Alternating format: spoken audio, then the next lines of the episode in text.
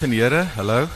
Ehm um, ek gaan so 'n halwe minuut voor 4 begin want die rede is ek het hierse tendens by die uh woordfees dat hulle begin jou al hier van 10 voor, nee, jy het omtrent net 50 minute. Dan begin die volgende uh geleentheid om al weer regmaak en ek dink ons het 'n lekker vol programme, baie interessante gas hier vanmiddag.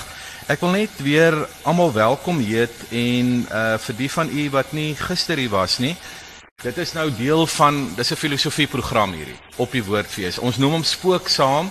Ons van mense wonder nou hoe waarmee spook ons? Ons spook maar saam met die denke. Nee, dit is nou maar agter dit. Jare terug het ek in 'n medetrawant 'n radioprogram gehad, Spookstasie.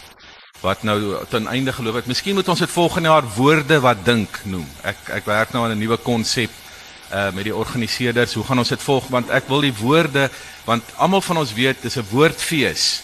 Maar wat is woorde as ons nie in woorde dink nie? Ons kan met woorde meegevoer word, letterkunde, al daai dinge, die emosionele rondom woorde, maar dan moet die rasionele met woorde is ook 'n belangrike ding. En dis eintlik maar wat in hierdie reeksie spooksaam voorop staan. Gister het ons historiese gehad wat 'n wonderlike gesprek was. Vandag het ek 'n baie besonderse gas. Ek gaan nou by hom uitkom en dan môre, ek hoop ek kan u nog verlei om eendag saam te kom dink môre middag om 4 uur wanneer ons praat oor die begrip gemeenskap en ek het Dani Gosen hier wat pas 'n boek van 400 bladsye oor daardie begrip geskryf het. So ek nooi julle almal ook uit môre, maar ek is dankbaar dat julle vandag hier is. Dis die groot geheim. Hierdie hierdie gesprek is die groot geheim. Uh nie veel mense weet daarvan nie, maar dit ek ek dink dit kan een van die hoogtepunte van die woordfees wees. Uh dit bring my dan by my gas, uh professor Andre de Tooy wat uh geen onbekende op Stellenbosch is nie alhoewel hy die afgelope uh bykans amper 30 jaar ja. Kaapstad was wat ons gasie is en uh Andre ek dink ek wil sommer onmiddellik begin um om te vra hoekom praat ons vandag oor die WVK? Hoekom praat ons oor die amnestie proses? Uh hoekom dink jy dis filosofies uh van groot belang aangesien jy 'n lang en uh, besonderse loopbaan as politieke filosoof het? Dankie Pieter. Ja, dit is uh, so 'n bietjie van 'n probleem dat uh toe Pieter nou vir my gevra het dat uh ek ook hier moet kom deelneem. Het ek vir hom gesê dat die uh van my kant af is die enigste vereiste of voorwaarde is dat dit waaroor ons praat en gesels moet verband hou met waaroor ek op die oomblik besig is om navorsing te doen en te werk en te skryf. En dit is uh dit gaan oor die ontstaansgeskiedenis van die waarheidskommissie en oor die amnestie onderhandelinge tydens ons uh, Suid-Afrikaanse oorgangspolitiek in die vroeë 90er jare. Nou dit is eintlik in 'n sekere sin as jy nou vir my as my mens moet vra watter soort navorsing en watter soort werk dit is, dan uh, waag ek my eintlik hier meer op Herman se terrein. Dis meer uh, uh histories van aard en hier is ek nou 'n filosoof wat vir my nie by my lees hou nie en ek gaan uh uh vir die uh historiese se werk doen. Maar Pieter wil nou van my weet, maar ek is 'n filosoof. Ehm uh, wat is nou die filosofiese aard en die filosofiese uh belangrikheid van hierdie werk wat ek doen? Nou as miskien moet ek kan ons begin deur net vinnig iets te sê oor die uh die betekenis in die in die soort van persepsie uh die waarheidskommissie. Wat wat was dit en hoe sien mense dit? En die een groot eerste punt dink ek wat mense daar moet maak is dat hoe die hoe die waarheidskommissie destyds gesien is deur die mense wat uh dit meegemaak het daai proses en ek was baie nou betrokke op uh, allerlei maniere by die beplanning en die in, uh, instelling van die waarheidskommissie en toe ook later in my eie werk en navorsing en seerwerk het ek baie daaroor klas gegee. Uh hoe is dit destyds gesien en hoe word dit nou gesien? Uh En daar's 'n baie groot verskil. Uh die waarheidskommissie in sy tyd hier in die laat 90er jare. Die waarheidskommissie het begin ingestel in 1996 van die begin van 1996 af en die groot deel van die waarheidskommissie het hierso die volgende 2 2 en 'n half jaar die verslag van die uh uh kommissie het verskyn aan die einde van 1998 toe die amnestie proses nou nog 'n paar jaar aangehou. Nou op daai stadium was daar geen kwessie nie dat die waarheidskommissie of mense nou daarvoor of daarteen was en dit was 'n geweldige kon, ge, kontroversiële ding wat mense baie sterk na albei kante toe gevoel, maar hoe jy ook daaroor gevoel het, die waarheidskommissie was 'n sentrale deel van ons oorgang. Dit was in 'n sekere sin was dit amper soos die konstitusie en die maak van die konstitusie, die skryf van die konstitusie en die bevestiging van die konstitusie. Daar was die waarheidskommissie. As jy dit breed wegneem in die terme van wat was die aard en die taak daarvan, dan was dit hoe kan ons met uh, ons verlede afreken? En veral met daai sentrale moeilike dele van ons verlede wat te doen het met die konflikte van die verlede, wat te doen het met die geweld van die verlede, wat te doen het met al die verskriklikhede wat van verskillende kante af gedoen is wat in die loop van die gewapende stryd uh, gedoen is en wat in die reaksie daarop gedoen is. Verskriklike dinge het gebeur. Uh in die loop van die 70er jare af in die 80er jare. Hier is ons nou in 'n nuwe post-apartheid Suid-Afrika. Hoe kan ons afreken met daai? Kan ons maar net daar is 'n versoeking gewees uh om te dink dat ons het nou gemaak 'n nuwe begin. Ons het 'n nuwe konstitusie. Ons kyk vorentoe, ons vergeet van wat agter is, ons beweeg aan maar die wat die waarheidskommissie as 'n projek ehm uh, uh, beteken dit was om te sê ons kan dit nie maar net doen nie. Uh, ons kan nie ons is nie in in staat om net aan te beweeg nie. Ons moet eers uh, afreken met die uh, met die verlede. En dit is toe gedoen op 'n bepaalde manier uh, deur die uh, victims hearings, deur die amnesty prosesse en so aan. So op daai stadium is die waarheidskommissie deur almal baie ernstig geneem en daarvoor of daarteen is wie ingesit het en deelgeneem het aan die uh die hearings van die van die kommissie en of jy maar net op die radio of in die koerante daarvan gelees het dit was 'n sentrale gebeurtenis. Vandag dink niemand meer so daaroor. Ons hier in Suid-Afrika as jy nog hoegenaamd aan die waarheidskommissie dink daai tyd dan is dit van destyds dis iets van van die verre verlede behoort. En as jy bietjie daaroor dink dan is dit moeilik om te verstaan. Ek bedoel waaroor het nou eintlik gegaan? Die waarheidskommissie wat hierdie groot woorde en begrippe truth and justice and reconciliation gebruik het, dit kom uit 'n ander wêreld as 'n ander tyd as die waarin ons nou is. En vandag is dit moeilik vir ons om te verstaan. Nou die interessante ding is dat uh as 'n mens nou die Suid-Afrikaanse persepsie van die waarheidskommissie vergelyk met die internasionale persepsie van die waarheidskommissie, dan is dit in 'n sekere sin net andersom uh dat die waarheidskommissie word vandag nog uh wêreldwyd uh baie ernstig geneem. En as mense uh, oor hierdie soort van probleme, dit het nou intussen 'n uh, hele soort van 'n studieveld en 'n praktyk geword. Die Suid-Afrikaanse Waarheidskommissie is nie 'n uh, unieke uh, geval nie. Dit is nie 'n eenmalige ding nie. Daar is teen hierdie tyd die laaste die laaste keer toe iemand getel het is daar nou wêreldwyd uh so iets soos 50 verskillende waarheidsprosesse of waarheidskommissies van verskillende aard oor die hele wêreld. Jongste ene wat nou op die oomblik besig is om aan die gang te kom, is die eerste een wat nou in 'n moslim gemeenskap plaasvind in Tunesië. Tunesië het nou hulle hulle waarheidsproses en hulle waarheidskommissie. Nou daai hele area in praktyk, verskille in die, die sentrale aard daarvan is samelewings wat op een of ander manier in 'n basiese oorgangsproses is van een soort politieke opset, een soort regime na 'n ander een, soms na 'n meer demokratiese, nie altyd na 'n meer demokratiese nie. Hoe reken jy met die verlede af? Watter watter metodes, watter instrumente, watter meganismes is daar? En die streng gesproke, die waarheidskommissie is nie die enigste nie. Daar is 'n hele stel van verskillende dinge wat gedoen word. Die mense wat daar wat daarmee begin, as die Tunisiërs nou begin met hulle waarheidsproses en hulle waarheidskommissie, dan nooi hulle mense uit Suid-Afrika wat met die Suid-Afrikaanse waarheidskommissie te doen het.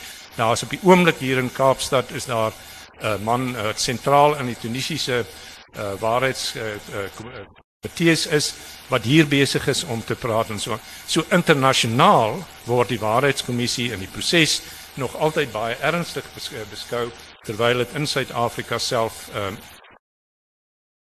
heel anders gesien word. Dankie. Nou, ek weet nie, ek dink ja. Pieter wil vir my vra waar bring ja. ek die filosofie daarby? Absoluut. Dankie Andre. Dis ek dink is 'n mondvol en is 'n is 'n baie goeie begin om vir ons 'n oriëntering te gee want die gesprek gaan vandag oor die waarheidskommissie maar meer spesifiek die amnestie kwessie Uh en ons weet dat dit 'n kontroversiële uh, kwessie binne die Afrikaanse wêreld want daar word altyd na sondebokke gesoek, nê? Nee? Uh en ons gaan daarby uitkom. Maar voor ons daarby uitkom Andrei, ehm um, wil ek net vir 'n oomblik teruggaan in jou loopbaan. En jy uh, kom van Stellenbosch, jy het hier filosofie begin studeer. Jy seker die mees uh prominente student en uh, in jou eie reg nou filosoof uh van Johan Degenaar. En as ek jou deur jou loopbaan kan vat, dan sou ek sê is daar 'n paar uitstaande dinge. Jy was nog altyd geïnteresseerd in Suid-Afrikaanse intellektuele geskiedenis. Maar ek wil die klem plaas op intellektuele geskiedenis want dit is dan nie net bloot om 'n historikus te wees nie, maar te gaan soek na denke in die geskiedenis. Dis die een kant van jou uh, make-up en dan die ander kant 'n skerp historiese lees van tekste. Uh, wat ek sou noem 'n tipies 'n uh, tipe kritiese konseptuele en diskursanalise wat jou nog altyd geïnspireer het. Kan jy 'n bietjie meer vertel van jou agtergrond en ook van Stellenbosch en hoe dit jou uiteindelik dan uitgebring het in hierdie belangstelling uh, rondom die WVK en die amnestie kwessie? Ja, in 2 minute. uh dit is 'n uh, hele klomp groot deel van my lewe. Ja, ek was 'n uh, Stellenbosch student, ek het hier filosofie gestudeer, destyds by ou uh, Freddy Kirsten en ek het die voorreg gehad uh om saam met Johan Degenaar toe ek teruggekom het van my uh uh nagraadse studie uit Nederland om hier die sogenaamde politieke filosofie departement was ons was 'n twee mans departement gewees wat ons toe vir uh, hoe lank was dit amper 20 jaar ja. hier aan die uh, aan die gang gehou het. Ehm um, en in daai tyd ehm um, is een van die dinge waarmee ek in toenemende mate vir my soos Pieter nou gesê het besig gehou het uh, was geskiedenis, maar 'n besondere soort van geskiedenis. Uh ons gebruik nou maar die begrip intellektuele geskiedenis. Ehm uh, en dit is 'n bietjie van 'n moeilike woord. Dit het begin die eerste groot projek van die aard waarmee ek betrokke is was saam met Herman. Uh, ons het uh, 'n uh, boek geskryf Afrikaner Political Thought wat uh, bestaan het uit teruggegaan het in die in die geskiedenis in en dis deels 'n tekspublikasie gewees dat ons deur die vroeë geskiedenis van die Afrikaner uh groep gegaan het en dokumente, tekste gesoek het wat op een of ander uh, op een of ander manier ehm uh, 'n denkinhoud, 'n denkposisie, 'n intellektuele inhoud gehad het. Ehm um, en dit is natuurlik uit die aard van die saak uh as mens nou hier die trekboere van die 18de eeu of selfs die wynboere hier in die in die, die Weskaap jy het geen groot teoretici of filosowe daar gehad nie. Daar was nie Suid-Afrikaanse Sokrates of um, John Locke of so nie. Maar daar was wel as jy in die in die in die in die tekste en die dokumente begin kyk, dan kry jy daar merkwaardige goed. Dan kry jy daar tekste, dokumente van mense soos van Reineveld wat een wat Herman vir my mee uh, bekend gemaak het uh, van uh, mense van selfs as jy neem die uh die tekste, die dokumente van die boere waarin hulle uh heeltyd uh die groot klagte gehad het oor die luiheid van die inheemse mense. Uh hoe ons besteel word, hoe ons en so aan. En as jy nou begin kyk daarna en jy vra vir jouself af watter soort denke is hier aan die gang? Wat is die wat is die aannames, wat is die veronderstellings daarvan? Waaroor gaan dit eintlik hier? Dan dan kyk jy na denke, maar dit is denke op 'n ander vlak. Dit is denke op die vlak van wat in die daaglikse praktyk en in die politieke uh uh gebeure in ges, uh, gestel is. Dis denke wat te doen het met 'n mentaliteit of 'n diskurs. Uh, ek het geïnteresseerd geraak daarin. En het, in uh in my eie loopbaan toe ek nou uh, na 20 jaar hier op Stellenbosch op Stellenbosch het ek 'n uh, uh, kursus jare lank aangebied in Afrikaner politieke denke. Daai Afrikaanse tradisie van politieke denke uh, met die studente deurgegaan het. Toe ek nou op uh, Kaapstad begin klas gee het, het ek dit uitgebou tot wat ek genoem het South African political traditions. Wat nie net die Afrikaner tradisie deur die van die koloniale tydperk tot in die 20ste eeu gebring het nie, maar wat kyk na al die ander tradisies as wel. Die Engels liberale tradisie, die uh, vers, swart verskillende uh, vanuit die swart uh, gemeenskap uh, uh, tradisies in oorsigtelike. Dit is 'n uh, betrokkenheid by politieke denke op 'n ander soort van vlak. En in daai sin natuurlik is die waarheidskommissie en wat daar rondom die waarheidskommissie gebeur. Hoe dit werk, dit is presies waaroor ons nou wat gebeur hier as so 'n 'n projek en 'n intervensie soos die waarheid as jy nou hier kry dat in die gemeenskap in die geheel dat binne 'n paar jaar word daar beweeg. Ek moet ek, ek kan dit nou uit my eie ervaring uit sê letterlik in 1990 as enigiemand teenoor my of in Suid-Afrika gepraat het van 'n truth commission dan sou ons gesê het wat? Wat wat is dit? Weet nie ken ken nie daai ding nie. En binne 'n uh, 'n paar jaar het ons gekom tot 'n situasie waarin dit uh aanvaar is as 'n belangrike projek verstaan is wat mense daarop gereageer het daaraan deelgeneem het en as jy nou ek het nou die die werk wat ek nou die afgelope uh, tyd gesit en doen het my navorsing het ek nou nie net op my eie geheue en my eie dokumente staak saak gemaak nie, maar ek het gaan kyk na die tydgenootlike uh wat wat daar in die koerante geskryf is, wat is die die media van daai tyd, hoe hulle geskryf is. Waaroor het mense gedebatteer? En dan kan jy baie duidelik kan jy daar sien dat daar in 'n paar jaar se tyd groot verskywings en veranderings in daai in die denke plaasvind.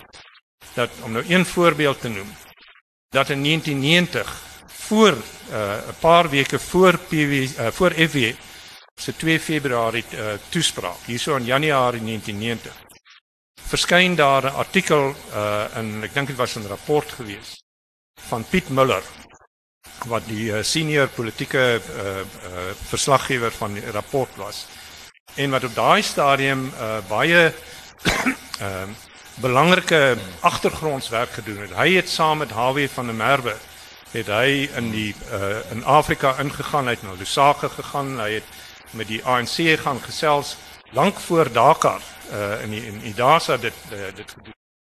En uh, Piet Miller skryf dan in 1990 en dit is nou in die tyd toe die hele die grensoorloë en die uh, betrokkenheid van mense wat opgeroep is tot die grensoorloë toe dit nou hier tot 'n groot probleem begin kom. Dan skryf Piet Miller in 1990 Januarie 1990 skryf hy oor die skadeoorlog. Ons is in die middel van 'n burgeroorlog 'n onverklaarde burgeroorlog waarin ons kinders uh betrokke is. En dan spel hy dit uit wat dit beteken. En dan sê Piet Miller op daai stadium sê hy uh wat moet daar gedoen word? En as ware as van selfsprekend sê Piet Muller, wat ons moet doen is ons moet tot 'n algemene bilaterale amnestie ooreenkoms kom.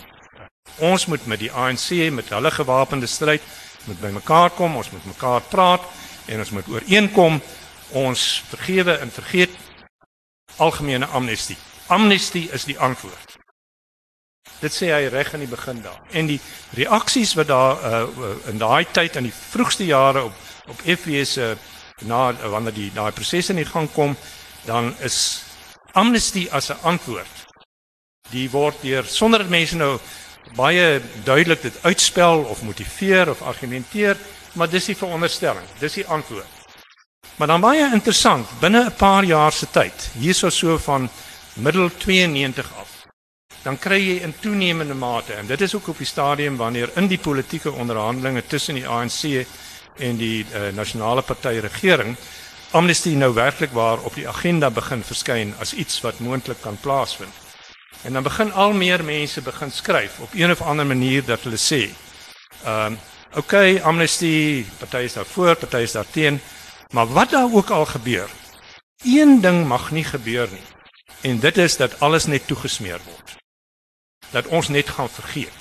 Uh ons kan uh, uh ons kan oor oor oor ooreenkoms bereik, maar amnestie mag nie amnesia beteken. Amnestie, ons moet weet wat daar gebeur het. So hierdie tema begin dan na vore kom en jy soos jy as jy die in die in die media en die pers uh verskillend oor die hele politieke front uh lees, kom daar steeds meer en meer hierdie die nodigheid, die behoefte dat wat ook al watter soort skikking of uh, uh, ooreenkoms ons bereik Dit moet insluit ons moet weet wat daar gebeur het. Hier het verskriklike dinge gebeur, hier het moorde gebeur, want in daai tyd is nou besig om uit te kom wat vlakplaas besig is om te doen, wat Eugene de Kok hulle gedoen het en so aan. Ons moet weet. So julle kan op die ou end vir die mense amnestie gee, maar hoe dit moet gebeur is dat dit moet saamgaan met 'n kennisname van wat daar gebeur het. Dis 'n proses wat plaasvind op daai tyd en in my ag my uh uh uh interpretasie daarvan is dit in 'n sekere sin die agtergrond van waaruit dan op die ou en die voorstel vir 'n waarheidskommissie en 'n waarheidsproses na vore kom. Ja, nee, baie dankie Andre. Dit gee ons uh, ek dink 'n baie goeie konteks uh om die volgende deel van die gesprek aan die uh, verder te neem. Ek wil net sê logisties ons gaan so tot 20 voor praat en dan gaan daar weer geruimte wees vir vrae ook uit die gehoor. Uh, dit is vir ons baie belangrik dat uh, mense ook kan deelneem in ons gesprek hier voor. Ehm um, Andre, wil jy nog ietsie meer sê oor die WVK proses en die en die amnestie? Want ek weet jy wil baie graag ehm um, ook beweeg en soos ons vooraf gepraat het oor die sogenaamde nasionale party narratiewe, nê? Ja. Die hele kwessie van wat het nou sedert die waarheids- en versoeningskommissie dalk net, in die proses rondom die amnestie gesprekke, rondom die grondwetskrywery, wat het gebeur in daai tyd dat daar uh onder ons ook die kwessie van sondebokke na vore getree het, net daar soek na sondebokke. Nee, daar's nie behoorlik onderhandel nie. Uh daar moes algehele amnestie gewees het en so meer. Ek dink ons is so in die helfte ja. van ons tyd as ons nou kan oorgaan wat jy noem die NP narratiewe. Ja, ja as ek net bietjie uh agtergrond gee daarvoor en terugstaan. My analise uh op grond van die werk wat ek nou op die oomblik doen is in my werk die tema, die onderwerp wat ek uh ondersoek is tweeledig. Aan die een kant gaan dit vir my oor die vraag waar kom die waarheidskommissie vandaan? Wat is die oorsprongs? Wat is die ontstaansgeskiedenis waarheidskommissie? En dit is natuurlik iets wat nou waaroor daar reeds allerlei opvattinge bestaan en waaroor die waarheidskommissie self het sy eie relasie en sy eie interpretasie daarvan gegee van waar dit vandaan kom. En dit neem tipies die vorm aan dat dit baie beklemtoon dat die waarheidskommissie kom vanuit die onderhandelinge wat uh, die politieke onderhandelinge wat in daai tyd in die 92 93 by Kodesa en die veelparty uh uh, uh byeenkoms in Kempton Park plaasgevind het.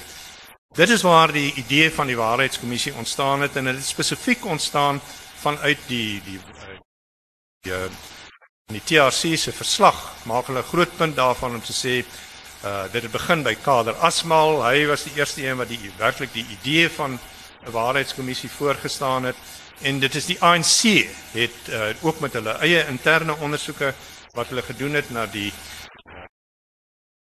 onheilighede wat plaasgevind het in hulle kampe in Angola en waaroor daar verskillende interne kommissies in die ANC was en op die ou end het hulle in 1993 Augustus 1993 het hulle 'n kongres gehou wat 'n groot sielsondersoek, interne sielsondersoek van die ANC was oor wat hulle moet doen en toe het hulle op die ouend gesê wat ons moet doen, dis nie net 'n kwessie van die uh, interne prosesse in die ANC nie, daar moet 'n algemene waarheidsproses wees. Ehm um, en dis dan waar die idee van die waarheidskommissie vandaan kom. So daai storie wat daar vertel word, daai relaas, uh sy logika is die die waarheidskommissie kom uit politieke onderhandeling, die politieke konstitusionele onderhandelinge wat op Kempton Park tussen die verteenwoordigers van die verskillende politieke partye, daai politieke elite plaasgevind het.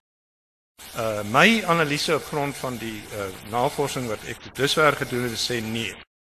Daar het in daai tyd het daar verskillende dinge in die land plaas.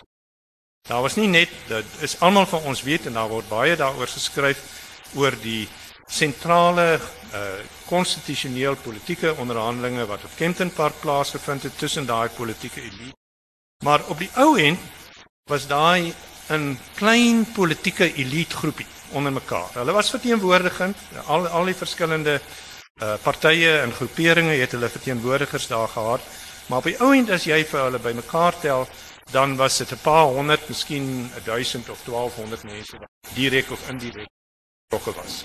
'n klein uh, interne groepie wat onder mekaar En in werklikheid waar die sentrale besluite geneem is, is in die sogenaamde bilaterale ontmoetinge tussen die ANC en in in nasionale partye en op die ou end die belangrikste besluite van almal is geneem wanneer daai die sogenaamde channel van Rolf Meyer en Cyril Ramaphosa en Joe Slovo en Fani van der Merwe bymekaar gekom het. Daai klein elite groepie, hulle het op die ou end die belangrikste besluite geneem.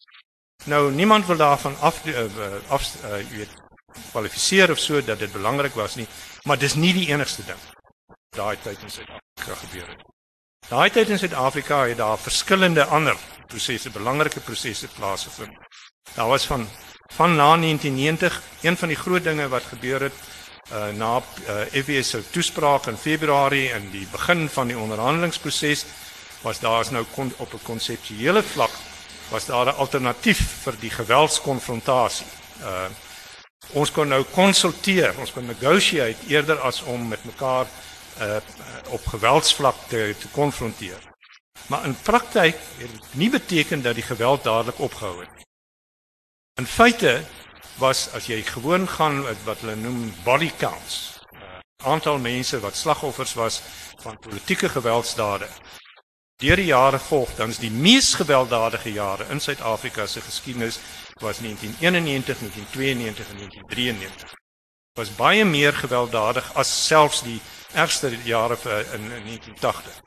So die geweld was nog daar en een van die belangrike prosesse wat plaasgevind het is die sogenaamde peace process dat oral oor die land is daar uh, in plaaslike gemeenskappe in, is uh, stede en in dorpe en uh, regionaal is daar peace committees gevestig en daar's 'n regional peace accords gewees en daar's national peace accords gewees en daar is die besigheidsgemeenskap plaaslike civil society mense is almal by daarbey betrok dit is een groot ding wat plaasgevind in daai tyd en dit in op daai vlak net so 'n groot bydrae gelewer tot die oorgang as wat die politieke elite met hulle onderhandel. Maar daar was ook uh, op 'n ander vlak was daar 'n ontwaking en ontwikkeling in die burgerlike samelewing, in civil society en in human rights groepe en so aan. En hulle het in toenemende mate het hulle begin organiseer en begin voorstel uh sekere projekte en en issues rondom human rights kwessies. Um, en uit daai uit, uit daai en my analise sou wees as jy teruggaan op die ontstaansgeskiedenis van die waarheidskommissie, dan kom dit eintlik die die streng gesproke die uh, voorstel vir 'n waarheidskommissie kom nie van Kempton Park af. Paradoks is dat daar word gewoonlik genoem dat die, die grondteks, die founding text van die uh, en dit is opgeneem self in die TRC wetgewing. Die founding text van die uh, van die waarheidskommissie is die sogenaamde naskrif van die interim konstitusie. Daardie wat almal oral herhaal daarvan as 'n brug van die verlede na die toekoms, is 'n tyd dat nie 'n tyd vir vergelding nie, maar versoening, 'n tyd vir ubuntu en al daai soort van goed en dit het ingesluit amnestie. Dit het gekom uit die politieke onderhandelinge op Kempton Park. So in daai naskrif is daar gesê daar moet amnestie wees. Maar daai naskrif snaaks genoeg as jy streng letterlik gaan lees wat daai naskrif sê, daar's nie 'n woord oor 'n waarheidsproses, 'n waarheidskommissie nie. Daar word hoegenaamd nie daarna verwys nie. Dit word deur die waarheid DRC self sê dis waar ons vandaan kom, maar gaan check die teks Dit is nie daarin nie. En wat gebeur het in my analise sou wees hier het twee prosesse bymekaar gekom. Hier het 'n proses uh, bymekaar gekom uh wat op Kempton Park plaasgevind het tussen in die onderhandelinge tussen die politieke elite. Hulle was bekommerd, hulle wou die verlede afsluit, hulle wil 'n manier kry om met die perpetrators, die gewelddoenaars uh uh om wat doen ons met hulle en hulle kom op die ou en tot dit wat ons met hulle moet doen is moet kom tot 'n soort van 'n amnestie ooreenkoms. Terselfdertyd het daar op ander vlakke van die samelewing civil society en human rights organisasies was daar 'n proses gewees wat sê wat ons nodig het is ons moet die waarheid oor moet 'n proses kry wat ons kan weet wat het daar plaasgevind en dit het gelei tot die voorstelle van mense soos Alex Borein vir 'n waarheidskommissie. Oorspronklik was dit twee verskillende voorstelle. oorspronklik as jy teruggaan na die dokumente was die eerste uh konsepwetgewing wat Dolla Omar in sy departement van justisie gekry het was vir 'n amnesty bill vir 'n amnesty commission. En dit is wat uit die Kempton Park onderhandelinge gekom het. Terselfdertyd het uh, Alex Borein gegaan na pre uh, president Mandela met sy voorstel vir 'n uh, kommissie wat nie met die perpetrators te doen het nie, maar wat met die victims te doen het. En wat toe gebeur het is daai twee goed is bymekaar gesit en ons het die uh, waarheidskommissie gekry wat 'n snaakse soort van 'n mengel moes 'n hybrid uh ding was. Aan die een kant die victims hearings gehad wat alles te doen het met slagoffers en so aan en aan die ander kant die amnesty hearings gehad wat alles te doen het met die perpetrators. Baie dankie Andre. Jo, dis 'n fascinerende skets wat jy daar gee van die hele ontstaansgeskiedenis van die WVK. nou vir die laaste gedeelte kan ons nou meer spesifiek op die amnesty kwessie ja. ingaan. Ja, ons het nog so 10 minute voor ons die vrae gaan oopmaak en veral wat jy noem die NP narratiewe. Ja. Nou ek het in my navorsing uh toe ek nou begin geïnteresseerd geraak het hierdie amnesty kwessie en in die amnesty onderhandelinge veral wat nou in politieke vlak uh plaasgevind het, het ek uh begin deur te soek uh wat het presies gebeur? Waar het hierdie onderhandelinge plaasgevind? Wie was daarbey betrokke? Wat het hulle wanneer besluit daaroor? Nou is die snaakse ding as uh mense nou die literatuur en daar is oor daai periode, daai oorgangsonderhandelingspolitiek is daar geweldig baie geskryf. Literatuur van algemene aard, daar's fantastiese goeie boeke deur Alistair Sparks, deur Patty Waldmeyer en so aan in detail en baie meer spesialistiese wat oor elke moontlike aspek van daai onderhandelingspolitiek. Jy nou daai werke lees en jy sê wat ek nou graag wil sien is waar in hierdie onderhandelinge het die amnestie kwessie ter sprake gekom. Hoe het dit ter sprake gekom? Wanneer is daaroor 'n besluit geneem? Kry jy niks nie. Daar word nie 'n woord daaroor gesê nie. Jy kan die hele boek van Perry Waldmeyer deurlees, jy kan die hele boek van Alistair Sparks lees. Amnesty word nêrens genoem nie. En op die ou end, as soos ek net nou gesê het, wanneer die amnesty ooreenkoms dan op die ou end uit die bus uitkom aan die einde van die naskrif van die interim konstitusie, dan is dit soos uh, Deus ex machina. Wat hier uit die nuutheid verskyn 5 minute voor 12 of 5 minute na 12 eintlik want uh, eintlik is die interim konstitusie al aangeneem en toe moes hulle nog agterna hierdie ding daar daar bylas. Waar het dit vandaan gekom?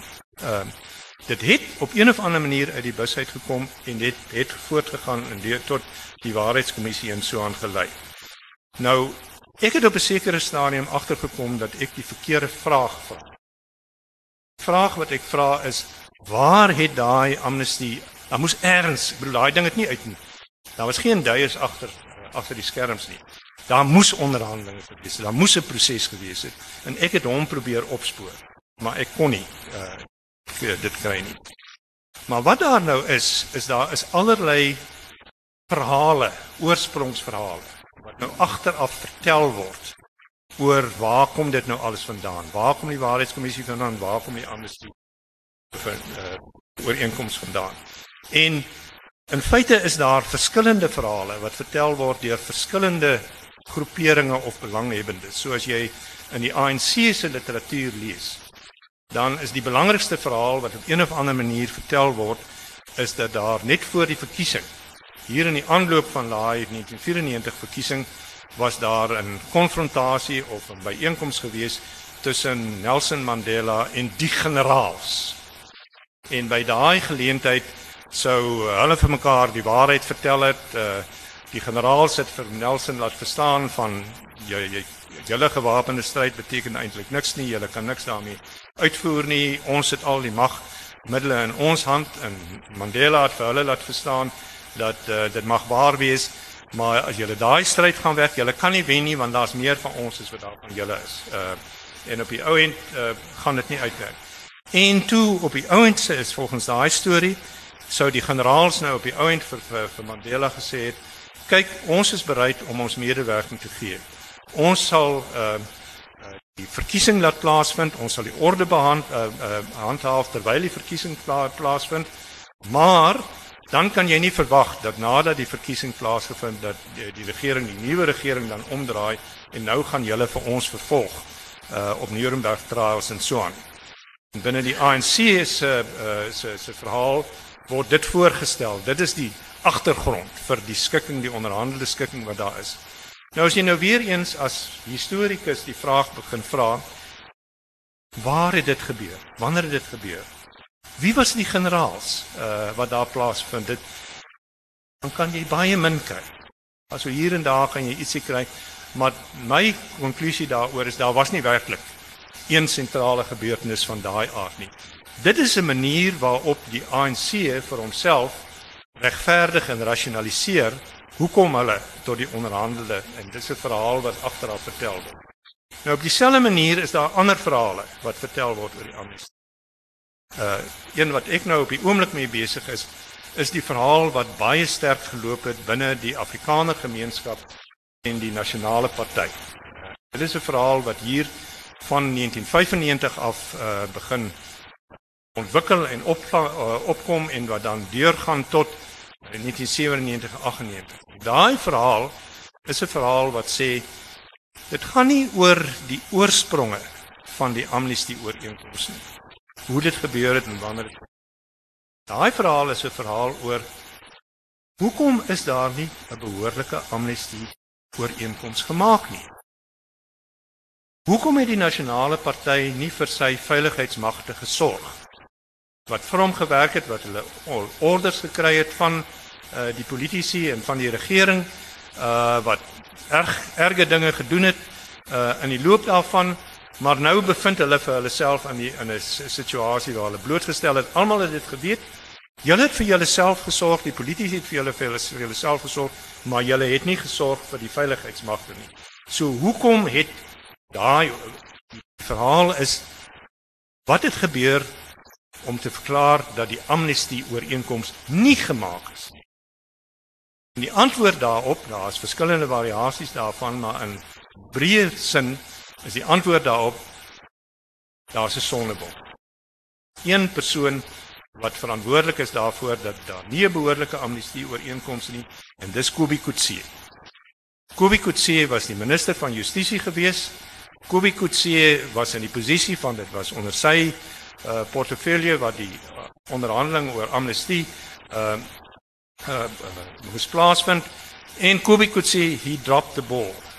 Uh could say uh was het sy groot allerlei planne gehad wat niemand verstaan het nie, maar wat ook al gebeur het, hy het dit nie gedoen nie en dit so daar het 'n hele lang polemiek plaasgevind oor 2, 3, 4 jaar in die Afrikaanse koerante wat op verskillende maniere hierdie verhaal vertel het en die die uh, uh, vir Kobe Kutse target as die sondebok. Nou hoe verstaan jy dit?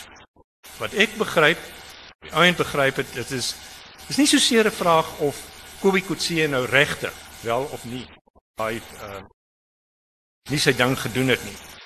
Vraag is wat is die funksie van daai verhaal in die nasionale party politiek vanaf 1995? Dit is beslissende jare in die nasionale partytetiek. Dit is die jare wanneer in die begin nasionale party deel word van die nasionale van die uh, government of national unity, die regering van nasionale eenheid, maar dit werk nie heeltemal uit nie. Dit word al moeiliker. Dan onttrek de Klerk in die nasionale party hulle daaraan, dan ontstaan daar 'n leierskapkrisis binne in die nasionale party en so aan. En in daai konteks is daar nou allerlei belange uh, uh, op die spel en so aan en hierdie stories hierdie verhaal die oorsprongsverhaal hier moet jy vir agteraf verstaan nie so seer as 'n verhaal oor die werklikheid van wat wel of nie daar gebeur het nie maar hoe dit funksioneer in die nasionale politiek van daai tyd. Dat ek 'n laaste woord en dan is ons tyd seker op. Die vraag op die ou end vir my en hier kom ons nou terug by die uh, sofiese en die betekenisverhale en so aan. Wat sê dit nou eintlik Wat is op die ou end die betekenis en die implikasies daarvan? Mens kan nou die daai vraag in die algemeen stel vir die waarheidskommissie en so aan die waarheidskommissie, die waarheidsproses as 'n poging af te reken met die verlede op 'n bepaalde manier, deur nie net daarvan te vergeet nie, maar deur dit te konfronteer en deur die waarheid uit te spel. Wat sê dit nou as binne die Afrikaner gemeenskap die belangrikste manier waarop hier uh, in veral in die nasionale partykringe hierop gereageer word is en die interessante ding is dit is 'n klagte oor 'n uh, amnestie ooreenkoms wat nie bereik is nie of 'n amnestie ooreenkoms wat verbreek is. Maar dis nie 'n klagte wat gerig is teen die ANC nie. Dis wat jy eintlik sou kon verwag. Want daar is genoeg materiaal gewees dat die uh, dat die hulle die die veiligheidsmagte mense soos generaal van der Merwe, die kommissaris van polisie, wat die een sentrale figuur in hierdie hele uh, proses is dat hulle sou kon omdraai en sê uh dit is die ANC wat nie hulle deel gebring het nie. Ons het ooreenkomste, dink aan daai sogenaamde ooreenkomste tussen Mandela en die generaals, maar Mandela het ons in die steek gelaat. Dit is nie 'n klagte teen die ANC nie, dis 'n klagte binne eie kring. Word 'n sondebok binne die eie kring gesoek en dan word dit 'n interne onderlinge uh, risie onder mekaar.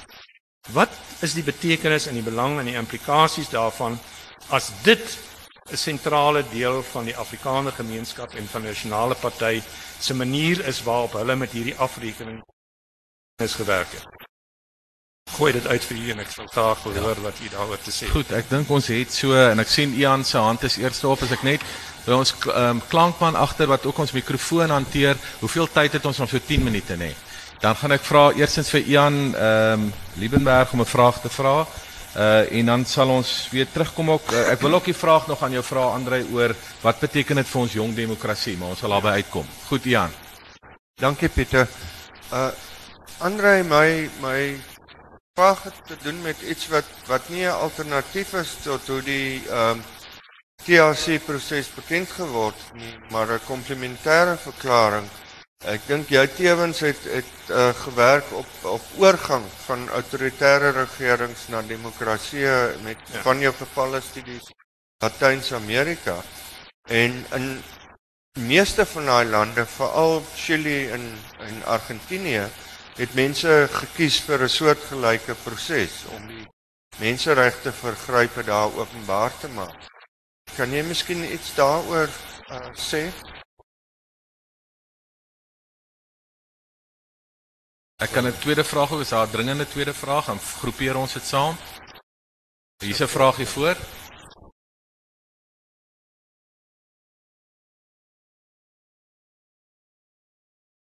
Meneer die programleier Piet Visser van die Vrystaat. Ek dink ek was uh, amper tydgenoot van die huiswasser geweest. Dit was baie jare terug. Ek wil net weet die uh, kommissie, die waarheidskommissie Het ons by die waarheid uitgekom en hoeveel vrae is daar nog oor? Wat onbeantwoord gelaat is uh na die proses sou sê af, afgehandel is. En ek wil spesifiek verwys na die uh halsnoermoorde. Sover my kennis strek uh is dit nooit aangespreek daar in die verantwoordelike persone vir daardie soort van projek is nooit aangespreek nie. Hoe maak 'n mens daarmee vrede? Want jy praat van die swart op wart, swart op swart wat die hoogste aantal ongevalle was in daai hele periode. Daai proses, die hele kwessie van die van die toeliehuis en wat daar wat daar presies gebeur het en wie verantwoordelik was vir want dit gaan oor verantwoordelikheid wat nou 'n taamlike tema is wat ja. in bespreking nog is. Baie dankie. Dat ek kortliks probeer, dis albei vrae kan 'n mens nou lank en hoor jy. uh uitvoerig te beantwoord. Een se vraag uh, kyk die soos ek in die begin gesê het, hierdie idee van waarheidsprosesse, waarheidskommissies Jy het nou al 40, 50 lande in verskillende kontekste gebeur. Ehm uh, die vraag is waarom? Wat is en dis nie altyd dieselfde nie. Uh so uh, voorbeeld in uh, die Latyns-Amerikaanse lande soos Argentinië en Chili was die agtergrond vir die waarheidskommissies was een van die belangrikste dinge wat in daai lande gebeur het was die sogenaamde wat hulle genoem het die disappearances. Dat die veiligheidspolisie uh veiligheidsmagte in daai lande het die tegniek, die praktyk gebruik dat hulle aktiviste teenstanders van die regime dat hulle eenvoudig dat verdwyn het. Uh is niemand weet wat met hulle gebeur het nie. En na dit 'n paar jaar met 'n hele klomp duisend mense gebeur het, is dit in daai lande uh 'n geweldige probleem geword vir die samelewing. Wat het van ons kinders geword? Ons moet weet wat met hulle gebeur. So jy kan sien in 'n land waarin die vorm wat verdrukking aanneem, uh is dat dit gebeur erns wat niemand weet wat dit is nie, hoe dit werk nie, uh in in so aan, dan is daar 'n punt vir 'n waarheidsproses om te kom sodat jy nou kan verduidelik wat het gebeur.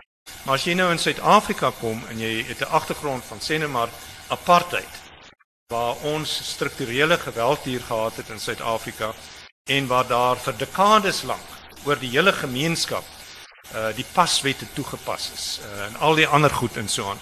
En dit het oop en bloot gebeur uh dit het uh, uh dat's met dis met wette in die parlement en dit is uh, gebeur. Nou daar kan nog altyd 'n vraag wees dat dit moet behoorlik gedokumenteer word en en so aan, maar in 'n sekere sin as jy dit sou doen, dan sê jy maar net, dan sit jy maar net meer presies uiteen wat werklik gebeur het. Daar's nie 'n nodigheid om nou 'n waarheidsproses daaroor te hê. So, wat is die funksie van die waarheidsproses uh in in die Suid-Afrikaanse konteks. Nou dit is nou sekere vlak waar uh dit nou ook uh, van toepassing was op die Latyns-Amerikaanse lande. En dit het te doen met die vraag wat bedoel jy nou presies met waarheid? Ehm uh, wat is die betekenis van waarheid? En waarheid is 'n ongemaklike woord en 'n misleidende woord omdat dit so 'n groot woord is en baie bedoel waarheid is waaroor die wetenskap gaan. Waar, waarheid is waaroor enige navorsing of ondersoek gaan. Waarheid is waaroor beriggewing gaan. So wat is nou besonder aan die waarheidskommissie as hy nou die watter soort waarheid uh is nou daar te sprake? En die antwoord daarop is dit gaan oor 'n heel spesifieke soort waarheid. Gaan oor die waarheid van waar daar uh, hulle nou noem gross human rights violations plaasgevind het. Waarheid waarin mense martel is of doodgemaak is en so aan en waarin wat gebeur as iemand gemartel word? Wanneer wat gebeur wanneer daar 'n veiligheidsmagte is wat vir mense op daai manier intimideer? Wat gebeur is nie net dat uh, mense pyn aangedoen word, eensame opsluiting gehou word vir baie lank en al daai verskillike dinge nie, maar wat dit aan hulle doen as mense? Uh die, die basiese ding wat gebeur wanneer iemand gemartel word deur die veiligheidsmagte. Hulle altyd sê die uh die kern uh woorde, kernbeskrywing vir wat gebeur in 'n martelingssituasie is dat die martelaar, die veiligheidsoffisiere wat ek al daar staan uh wat, wat die ding doen sê vir die vir die slagoffer.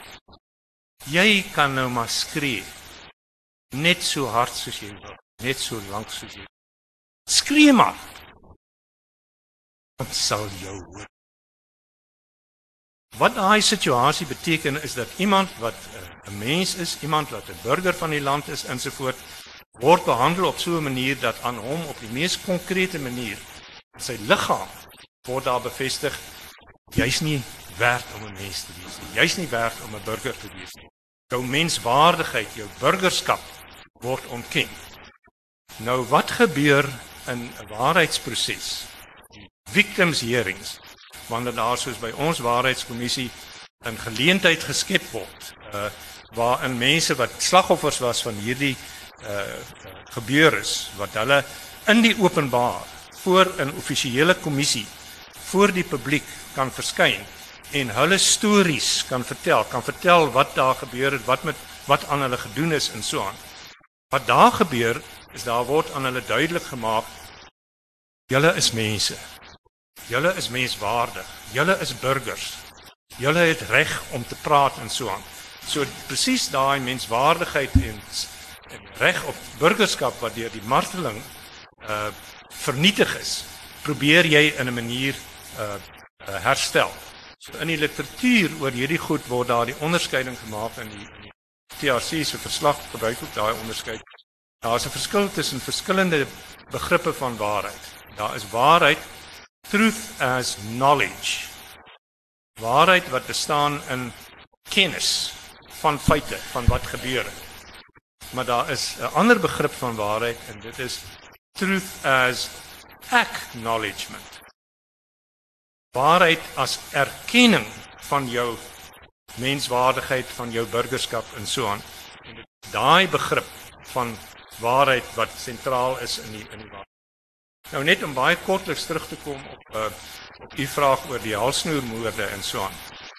Uh daar ek bedoel nommer 1, dit is nie so dat die uh, waarheidskommissie nie daaraan aandag gegee het nie. Daar is heel party uh hore uh klemserings van PRC gewees waarin slagoffers daarvan mense wat daarbey betrokke is en so aan.